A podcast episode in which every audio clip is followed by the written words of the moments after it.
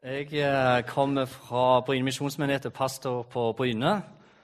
Og eh, er, vi har ei veldig veldig flott tid på Bryne. Tenkte jeg kunne si det i hvert fall innledningsvis, at uh, vi har kjempestore utfordringer. og De går på byggmessige ting, og det er en kjempefordel. Da viser det at vi gjør noe bra, og vi har uh, noen rette ting som vi holder på med. Uh, vi slo nettopp rekord. Bry misjonsmyndighet hadde rekord for to uker siden med 162 på en gudstjeneste. Og det var veldig bra. Og her snakker vi bondeland, altså.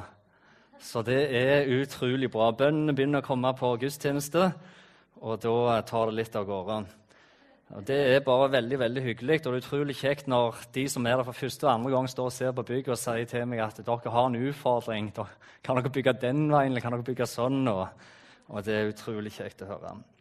Uh, utenom det så uh, må jeg bare si at jeg var veldig glad for å komme her og veldig spent i dag. Uh, jeg har et budskap med som jeg tenker er et positivt, utfordrende budskap. Og så pleier vi å ha det sånn på Bryne med at vi starter av og til med en litt morsom historie. Og det kan være at den er morsom her, i hvert fall morsom på Bryne, så jeg håper han slår an her òg.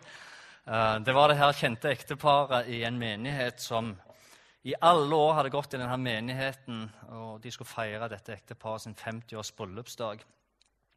Og De hadde en stor fest der eh, hele menigheten kom og deltok på denne festen. Men midt i denne festen var det en ung mann som ikke klarte å dy seg lenger. og Han banker liksom i bordet for å få si noen ord. Han reiser seg opp og han, han spør dette ekteparet hva er det som gjør at dere har holdt dem sammen i 50 år? Og dere ser alltid så lykkelige ut. Fra dere kommer inn døra i kirka, så holder dere i hendene, og dere kvisker sammen til dere går ut. Dere ser så smilende og glade ut. Hva som er suksessformelen?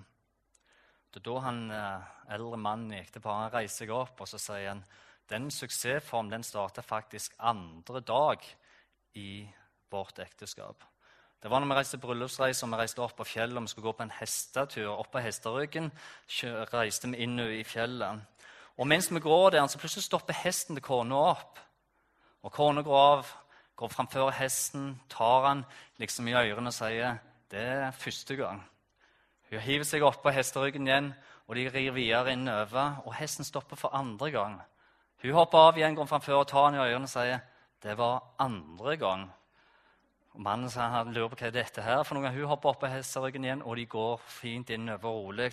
Før hesten stopper igjen for tredje gang. Og Når hesten stopper for tredje gang, så hopper kona av igjen. Hun går framfor hesten, tar den i øret og sier det var tredje gang. Så drar hun opp en pistol, og så skyter hun hesten. Og Mannen han sitter helt forskrekka på ryggen og aldri sett kona sånn som dette her. Han hopper av hesteryggen og springer. Hva du gjør for noe? Hva du holder på med? Du kan ikke bare skyte en hest fordi han stopper. Og det er der hele suksessfaren for et vellykka ekteskap etablerer seg. I det kona snur seg med mannen og sier 'Det var én gang'. Og sånn er det noen menn som ennå har det. Der er vel jeg iblant dem. Foruten å være pastor på Bryne misjonsmenighet så er jeg òg med i brannvesenet på Bryne. Og her en natt for en stund tilbake så ringte brannalarmen midt på natta. Det er et sånn deltidskorps vi har på Jæren. Og det vil si at du er, ligger med alarmen på sida av deg, og du er på en måte klar som noenlunde hele tida. Eh, og det piper veldig alarmen, du springer, og mens jeg springer ned, så kan du høre liksom hva som skjer over alarmen, og vi får beskjed om at det brenner, og det brenner kraftig, og vi må forte oss.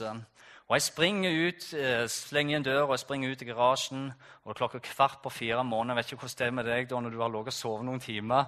Vel, i hvert fall jeg er ganske svimet i hodet. Og jeg kommer rundt hjørnet på garasjen der, og jeg springer rundt bilen. Og akkurat idet jeg runder dette hjørnet, så kommer jeg ikke på denne bjelken som henger litt lågt i garasjen. Eller det vil si, jeg kom på han akkurat i det. Han gir meg ettertrykkelig beskjed om at jeg henger her ennå, og han planter seg her i pannen.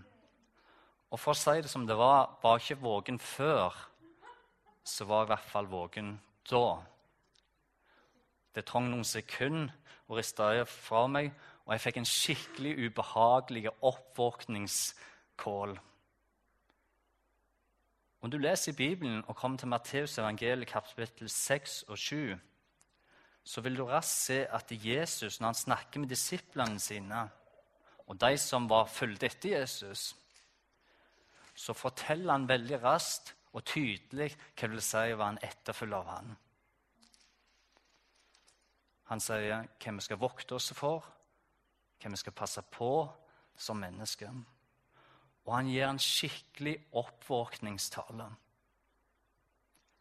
I den sier han døm ikke slik at du ikke sjøl skal bli dømt. For etter den samme dommen som dere dømmer med, skal også dere dømmes med. Han sier, 'Hvorfor er det sånn at du ser flisen i din brors øye, og ikke bjelken i ditt eget?' Og han fortsetter, Be, så skal du få. Leid, så skal du finne. Bank på, det skal lukkes opp for dere. For den som ber, han får. Den som leter, han finner. Og den som banker på, han skal det bli lukket opp for. Han fortsetter å si dette. Alt det dere vil at andre skal gjøre mot dere, det skal dere gjøre mot dem. Samle dere ikke skatter på jorda, men ha fokus på evighetsperspektivet, evighetsverdier. Samle dere skatter i himmelen. For der din skatt er, der vil også ditt hjerte være. Så les, les han, kan vi lese videre at Jesus lærer det fins kun to veier. Gå inn gjennom den trange port, for vi er den port, og bred en vei som fører til fortapelse. Og mange er de som skal gå gjennom den, sier Jesus. Det fins kun to veier. Enten så går du gjennom Jesus inn den trange port, eller så følger du verden og går gjennom det brede på. Enten så er hjertet ditt der hans hjerte er, og du brenner for hans sak, eller så gjør du det ikke. Enten så er skatten og dine prioriteringer de ti der som han kaller han til å være, eller så er han ikke. Og så slutter han wake-up-talen sin med å si dette. Og hver den som hører disse mine ord, og ikke gjør det jeg sier, som mest sannhet, men likevel velger å ikke gjøre sannhet, ligner en uforstandig mann som bygde huset sitt på sand. Regnet styrte, elvene flomma, og vinden blåste, og det slo mot huset. Og fallet var stort. Det Jesus gjorde, var han holdt en oppvåkningstale for å sette ting i rett perspektiv. Hvordan er det i grunnen med dere?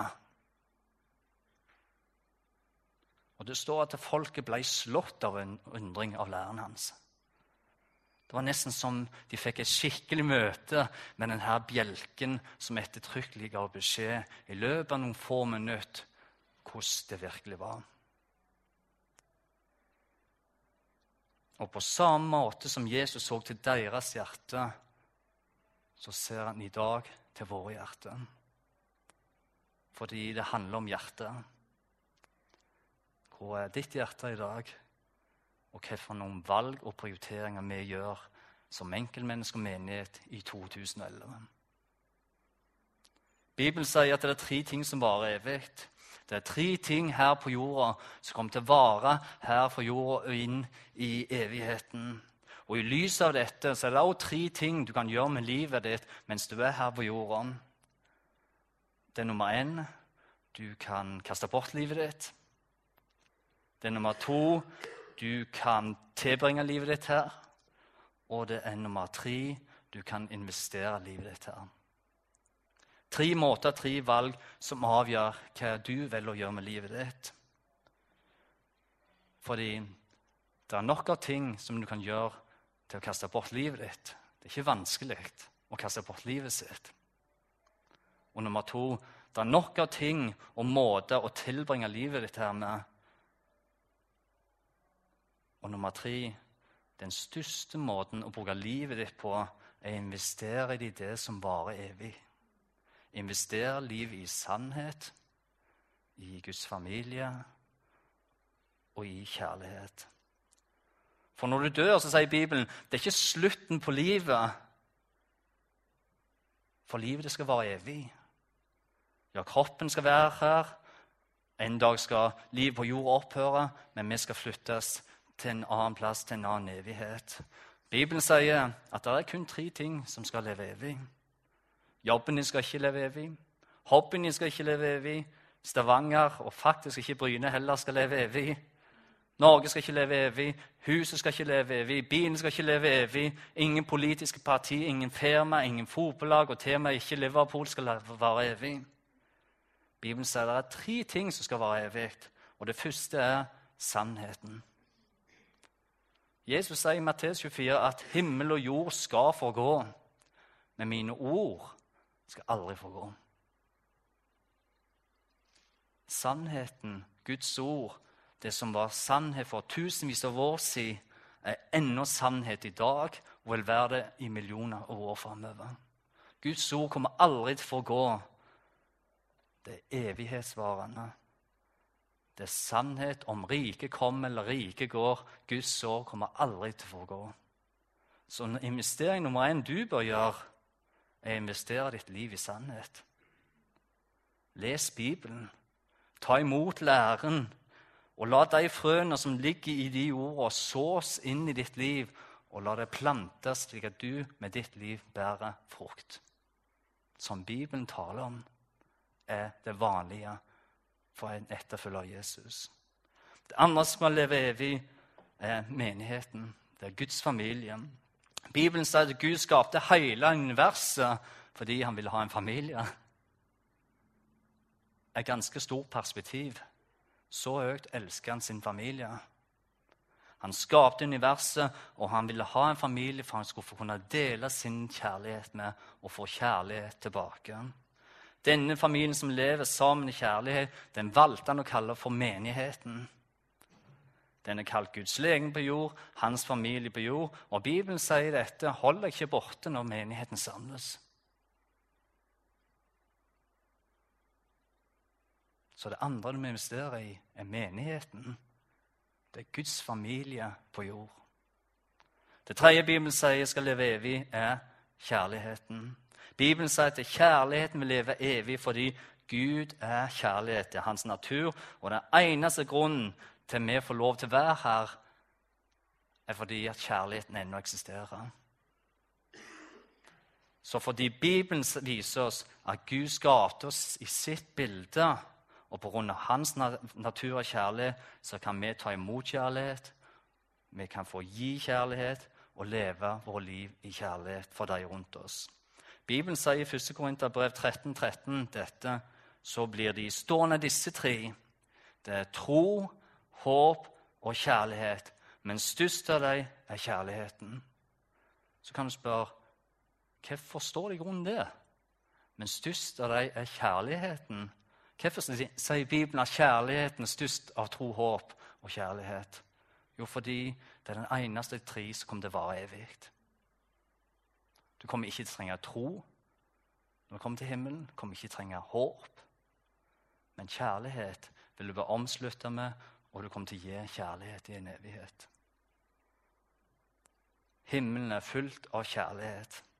Det tredje som varer evig, og som må, må, investeres i, er kjærligheten. Så hvis du ønsker å investere livet ditt her på jorda i det som Gud sier var evig, det som er en hensikt og plan med livet ditt, så invester livet ditt i nummer én sannhet, Guds ord, nummer to i menigheten, Guds familie, og nummer tre i kjærligheten. Det som var evig. Av og til når jeg har tid for meg sjøl, så tar jeg en tur, en kjapp tur. Og Det er veldig sjelden jeg har tid for meg sjøl. Jeg har tre små rockerser hjemme pluss ei kone så er det sånn det er, pluss en menighet med rockerser òg. Da tar jeg en tur, i hvert fall, når jeg har litt tid for meg sjøl. Så reiser jeg opp til Timekirka på Bryne. Og Der setter jeg meg ned uh, utenfor kirka der. Uh, det er ei gammel trekirke der. Og det er noen få ganger jeg er litt sånn nostalgisk, og da akkurat da er jeg veldig nostalgisk. Jeg syns det er utrolig flott å bare sitte der i morgen når sola kommer opp, og jeg ser på den kirka og jeg ber og slapper av litt. Her For en stund siden tok jeg med meg ungene, og vi gikk en tur inn på gravplassen på denne gamle kirkegården og snakket litt om eh, livet og litt forskjellige ting. Og Mens vi gikk der på gravplassen, så begynte jeg å lese på disse navnene på disse gravsteinene. der. Det var navn som Reia Berge, og det sto 1835 til 1908. Navn som Kristina Aasland, 1844 til 1911. Bertha Kristine Oma, 1901 til 1994. Det var Trygve, Karen, Anne, Ralf Svein osv. Det var virkelige navn som hadde virkelig familie, virkelige mennesker. Og der på gravplassen så var det en mengde med navn. Ekte mennesker, ekte familier som levde deres liv, som ble født inn i en familie, som gikk på skole, som hadde ekte jobber, som hadde ekte forhold og relasjoner, som hadde sanne opplevelser og erfaringer i livet, akkurat som meg og deg har i dag. Men nå er det over. Og Jeg kunne ikke noe for det, men tanken streifa meg at når det hele kommer ned til slutt så ender det med en gravstein med et navn på.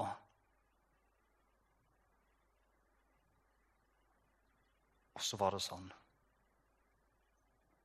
Hele livet vårt, alt det vi gjør, jobben vi gjør, all kjærligheten vi gir, alt vi sjøl erfarer i livet, um, alt jag som vi kan kjenne til tida, all krav, bekymring osv. Og, og til slutt bare et navn på en gravstein eller et minne som noen bærer videre om oss.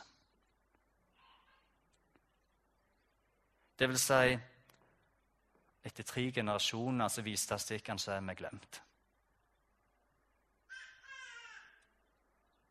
Vil si, Vi husker selvsagt våre foreldre. Noen av oss husker besteforeldre, men mesteparten av Norges befolkning, oss inkludert, husker ikke våre oldeforeldre eller noe særlig lenger enn det. Det er tre generasjoner og så et navn på en stein. Og I grunnen så er det for meg ganske tøft og det var litt ufordrende å kjenne at det er det som er realiteten av mitt liv. Og Så kan du lese i Guds ord at det var akkurat det Jesus kom for å ta tilbake. Jesus kom til å få rette opp menneskets verdi og sette på plass igjen i det Jesus brøt dødens forbannelse, og med sin, sitt liv så kan vi i dag få lov til å skape noe som faktisk ikke bare ender på en stein, men som varer i en evighet. Det er det privilegiet, den gaven vi som enkeltmennesker og menighet har fått. Skape og danne noe som faktisk handler om en hel evighet. For hvis det er liv etter døden, så har vi ikke råd til å bomme her. Hvis det er sånn at det fins en fortapelse, en brei port og en smal port, så har ikke vi råd å bomme her. Det er denne plassen i livet vi faktisk ikke kan bomme. Det er her vi som troende, som menig, faktisk ikke kan bomme. Det er denne plassen vi ikke kan glemme eller gjøre galt i.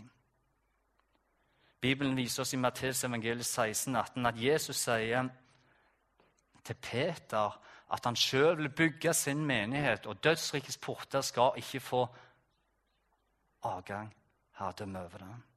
De skal ikke få makt over det. Det vil si at kun menigheten har i seg dette. Kun menigheten kan lede og redde de rundt seg ifra å gjøre deres største mistak i livet. Kun menigheten. Så på spørsmålet om det betyr noe hvordan meg og deg prioriterer, på spørsmålet om det betyr noe hvordan vi er menighet i 2011, på spørsmålet om det er viktig, om det betyr noe, de prioriteringene vi gjør,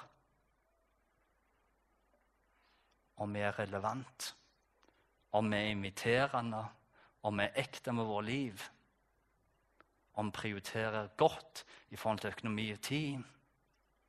På spørsmål så fins det ingen sideveier på dette spørsmålet. Ingen 'ja, vi klarte det nesten'. Eller 'vi prøvde i hvert fall'. Eller 'det var en god tanke', i hvert fall. Fordi Bibelen viser oss at enten så lykkes vi, eller så gjør vi det ikke.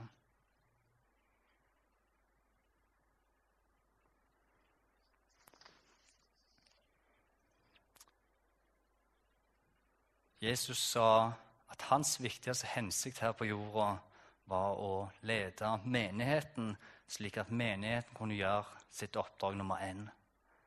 Det er dette oppdraget menigheten ikke kan bomme på. Så kan vi spørre oss hvorfor. Hva er det da med denne menigheten som er så veldig viktig Jesus, at du valgte å lide og dø for? Hva som er så unikt og verdifullt med menigheten at du valgte å komme til jorda for å bygge den? Jo, fordi det er kun menigheten kun menigheten som har i seg det at den kan forandre et menneskes liv fra døden til livet. Med måten vi velger å investere, prioritere og være med de rundt oss.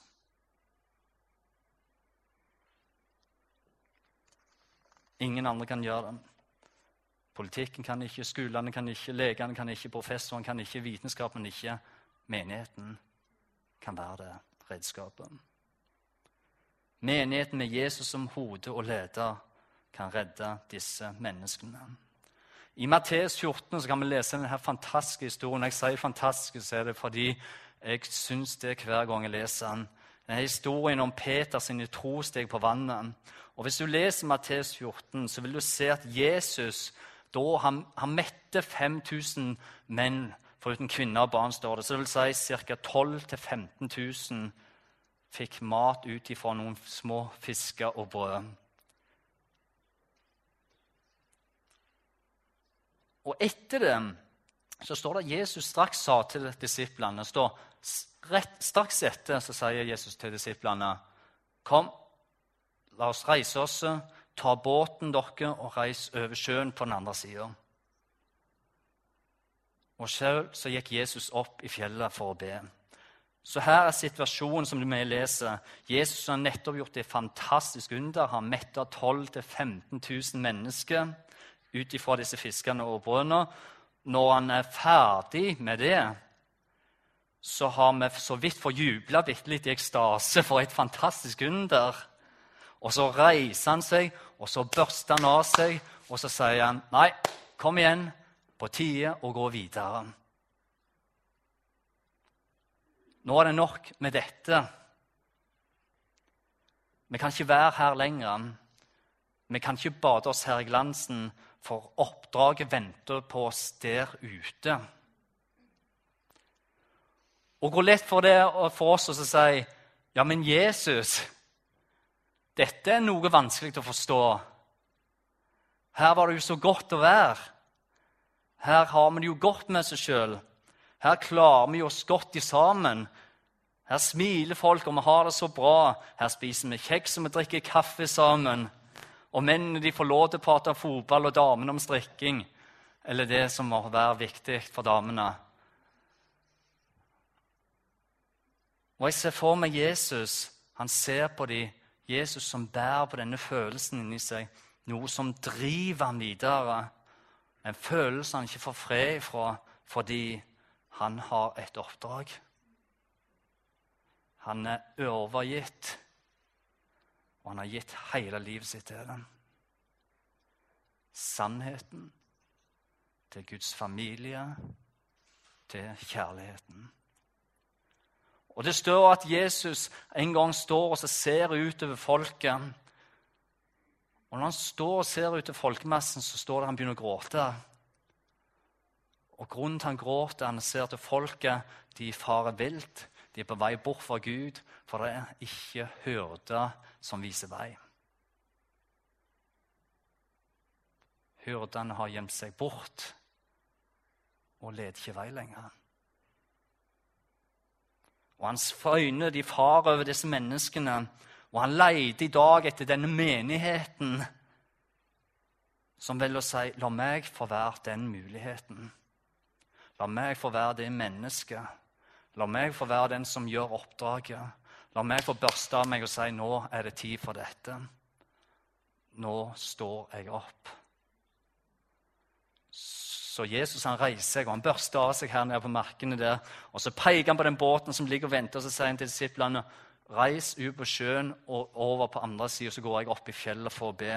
Og det er klart, Når jeg ser for meg disiplene som må reise seg opp i den der mest hellige stunden, vil jeg si, er fantastisk under der, og så sier Jesus, 'Kom igjen'.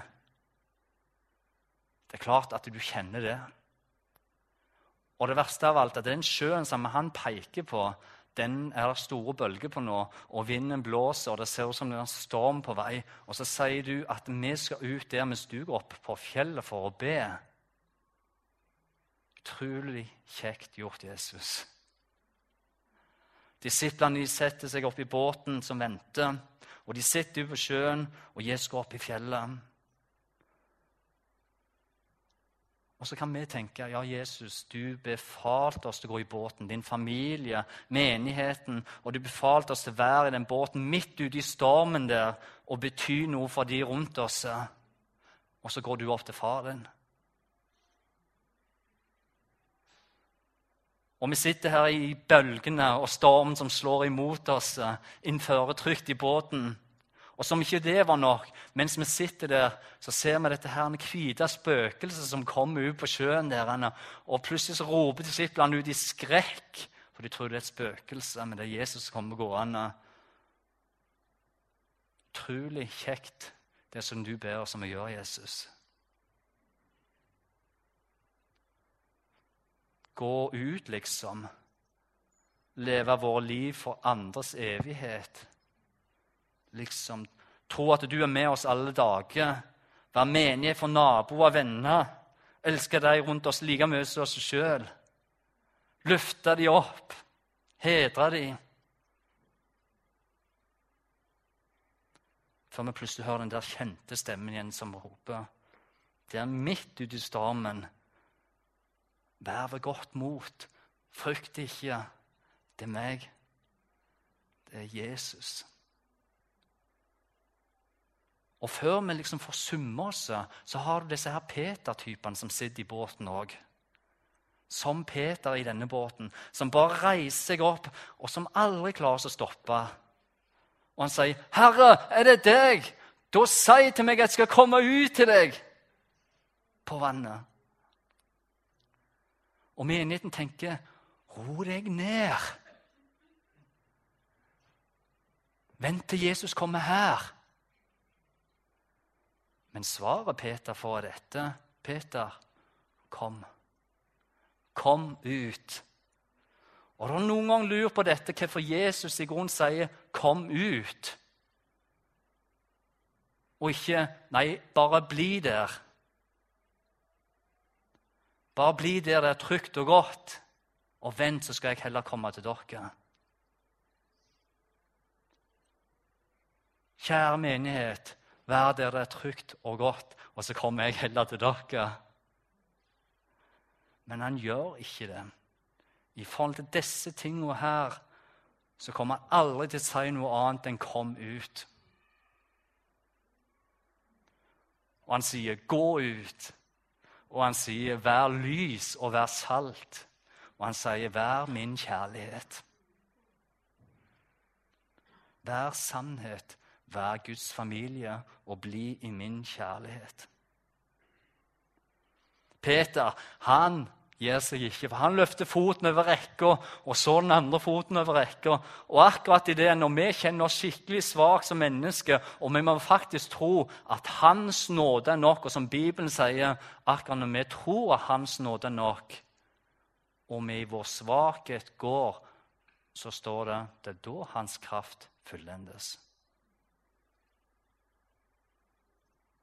Mens vi har en tendens til å si 'jeg trenger kraft nå', så sier han nei, nei, nei. Min nåde er nok. Og når du våger å være svak, det er da min kraft fullendes. Nei, Jesus, la oss sitte her. Her er det så godt å være. La oss få mer av deg. Kom ut. Min nåde er nok. Og det er i din svakhet min kraft blir synlig. Da blir det ikke oss som er senter lenger. Det blir Jesus og de der ute. Og var det ikke det han nettopp kalte oss til være? Slike. Nå vet jeg om det er fascinerende for deg, men jeg synes det er noe fascinerende med historien om Peter som gikk på vannet. Har en stor tendens til å bli historien om Peter som ble redda av Jesus. Jeg vet ikke om du har tenkt på dette før, men historien om den mannen som valgte å stole på disse ordene der ute, kom ut, som valgte å sette føttene på vannet og gikk, har i den vestlige verden og i Skandinavia og i Norge og i menighetene her blitt historien med stor fokus på han som ble redda av Jesus for han ikke hadde tro nok. og ikke Peter som trodde og gikk på vannet.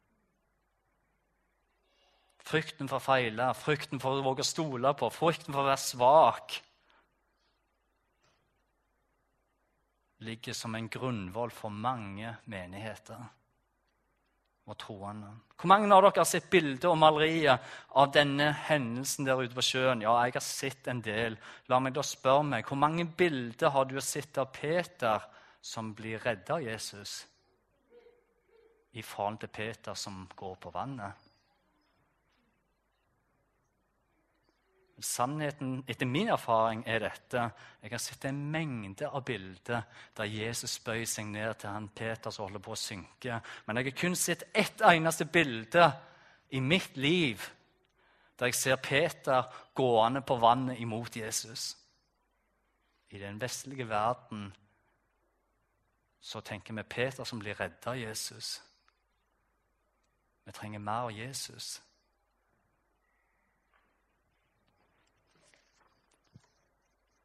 Og er det ikke sånn i en største grad at menigheter rundt i Norges land er akkurat som de elleve andre som sier 'Hysj, Peter, ro deg ned. La oss holde oss i båten. La oss være her.' Og så ber vi om Jesus skal komme til oss og ordne opp.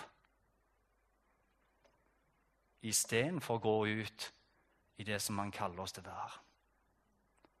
Vi ønsker at han skal komme og gjeste oss. Vi synger de mange sanger, i hvert fall. Det har vi gjort på Bryne òg. Mens han står der og sier 'kom ut'. Vi ber om han mer, mens han sier 'du har akkurat det du trenger'. Vi vil ha mer ånd, vi vil ha mer liv. Han sier 'du har fått nok liv og nok ånd'. Kom til meg, kom og følg meg.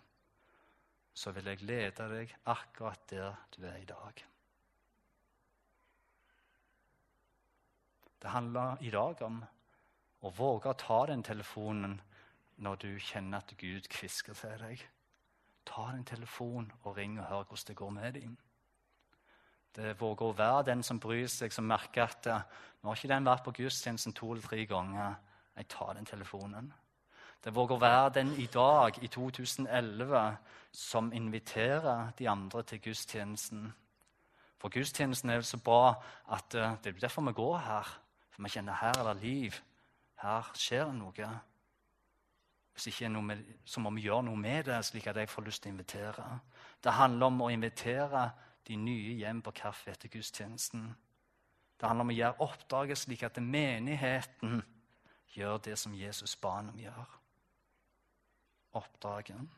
Og mulighetene er der ennå i dag, ene og alene fordi Jesus han valgte deg, og ikke du han. Og han bryr seg i dag. Men nær slutten i dag Har det gått greit til nå, for jeg er en bonde fra Jæren? Å, tusen takk, altså. Dere er snille. Jeg vil også høre disse navnene når vi går inn mot slutten. Bare har gått etter. Det er Per Kristian, det er Karen, det er Daniel, det er Rebekka, det er Carl, det er Solveig, Hilde, Hanna, Irén, Joakim, Tine, Kristine, Audlen og Torbjørn. Og jeg blir glad når jeg sier navnene, fordi alle disse valgte å si ja til Jesus gjennom menigheten. Og hver eneste av disse er en virkelig person, et virkelig liv med familie, og så har de valgt en ny vei. Som betyr mye for Gud og betyr mye for oss.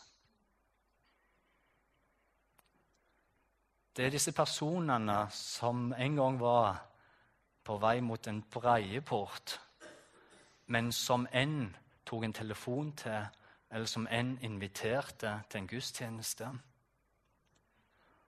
Som en ba for, som Gud hadde kviskra til dem om. Og så er det sånn at Gud han jobber i det skjulte med disse menneskene som jeg nettopp ramste opp. Og så får de denne første invitasjonen eller den andre eller tredje. Og Bjørn er så stolte og stae at vi ber fire-fem ganger òg og inviterer. Jeg har invitert broren min sikkert 15 ganger på gudstjeneste. Og når sist søndag så sa han endelig ja. Men vi er litt treige på Jæren. Og så kommer de inn til menighet, og så opplever de en relevant uh, lovsang. Noen ord som de ikke forstår helt, og så spør de etterpå.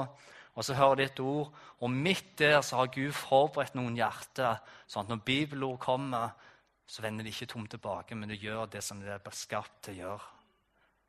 Det lager nytt liv, og det skaper noe nytt. En menighet som var sjenerøs, som var inviterende, som er ekte, relevant og trofast, samles ikke bare for seg sjøl, men for disse nye. Amen. Eller denne her, Eli Bakken Idland. Dette navnet her, som også kom til å tro på Jesus som en herre og frelser som også kom fordi noen valgte å invitere ham og ta henne med på gudstjeneste. Og Hun gikk en stund i miljøet i faktisk ett år meste. Ei utrolig sterk og intelligent dame. Hun kom fra et ikke-kristen hjem, hadde ikke vært frelst i mer enn et halvt år før hun kom til meg og spurte fordi hun hadde kjent at Gud hvisket da vi skulle reise ut som misjonær. Et halvt år frelst. Ei voksen dame. Hun reiste ut i ni måneder og kom tilbake igjen. og Da hadde hun fått med seg den erfaringen og den lærdommen hun skulle ha. Og jeg sier bare det, Hun var frelst i rett over ett år, og hun var den lederen. Hun kom og spurte, Det første hun spurte meg om, du Jim, hvor kan jeg få lov til å være med, slik at menighet får gjort sitt oppdrag? Hvor vil du ha meg henne? Vil du ha meg der eller der eller der eller der? eller der? Bare si det. Og jeg elsker sånne mennesker. Det er ganske fascinerende, men det er godt å ha sånne. Og hun ble i barnearbeid, for vi trengte barneleder. Hun var med på Menighetsviken til Vaulali. Gjorde en fantastisk jobb. Og ikke lenge etter den så ble Eli tatt bort. I det vi på en fjelltur druknet i ei elv. Og igjen sitter vi og kan si takk, Gud, for at du møtte en menighet som var relevant som investerte og inviterte. Som brydde seg for Eli Bakken Idland. Nå står Eli Bakken Idland sitt navn på en gravstein til minne om de som hun berørte.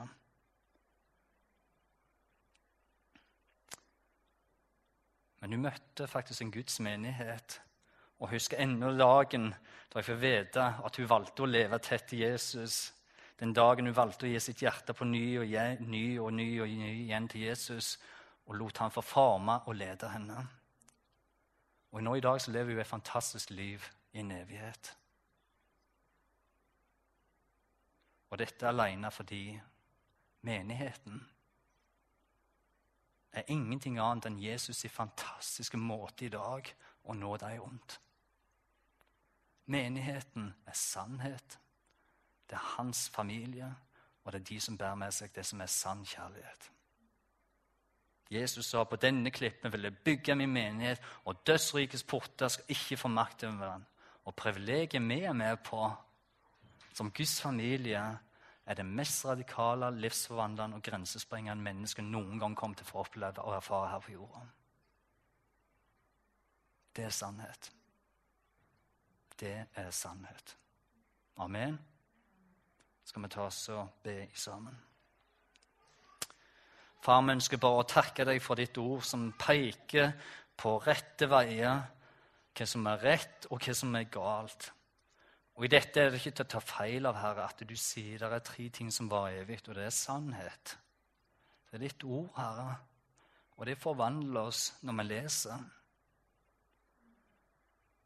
Det er ditt ord som blir forkynt ut her, og det forvandler vårt liv når vi velger å ta frøene til oss og plante dem i et godt jordsmonn i vårt liv. Mange ganger så må jeg si her for min egen del så har det vært sånn at ordet har mange ganger havna på steingrunn i mitt liv. Mange ganger er de frøene som du sår ut, sånn at de faller blant torner og tisler i mitt liv. For jeg ber om dette ordet som er planta i dag, at det skal være et ord som er godt, og som bærer frukt fordi vi velger å plante det i god jord.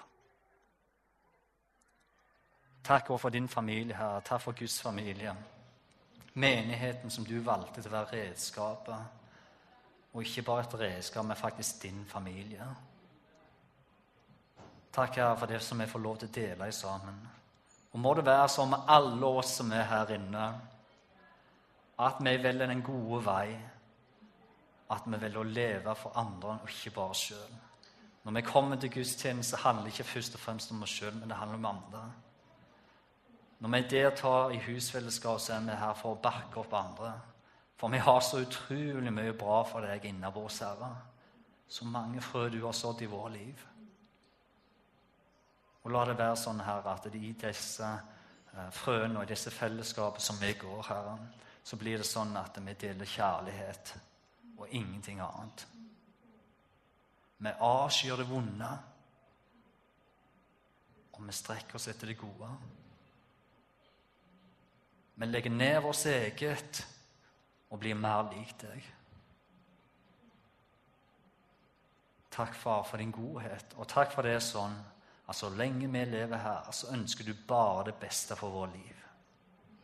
Bare det beste. Ja, det fins høyder, det fins daler, men du er alle plasser. Og noen ganger så går vi daler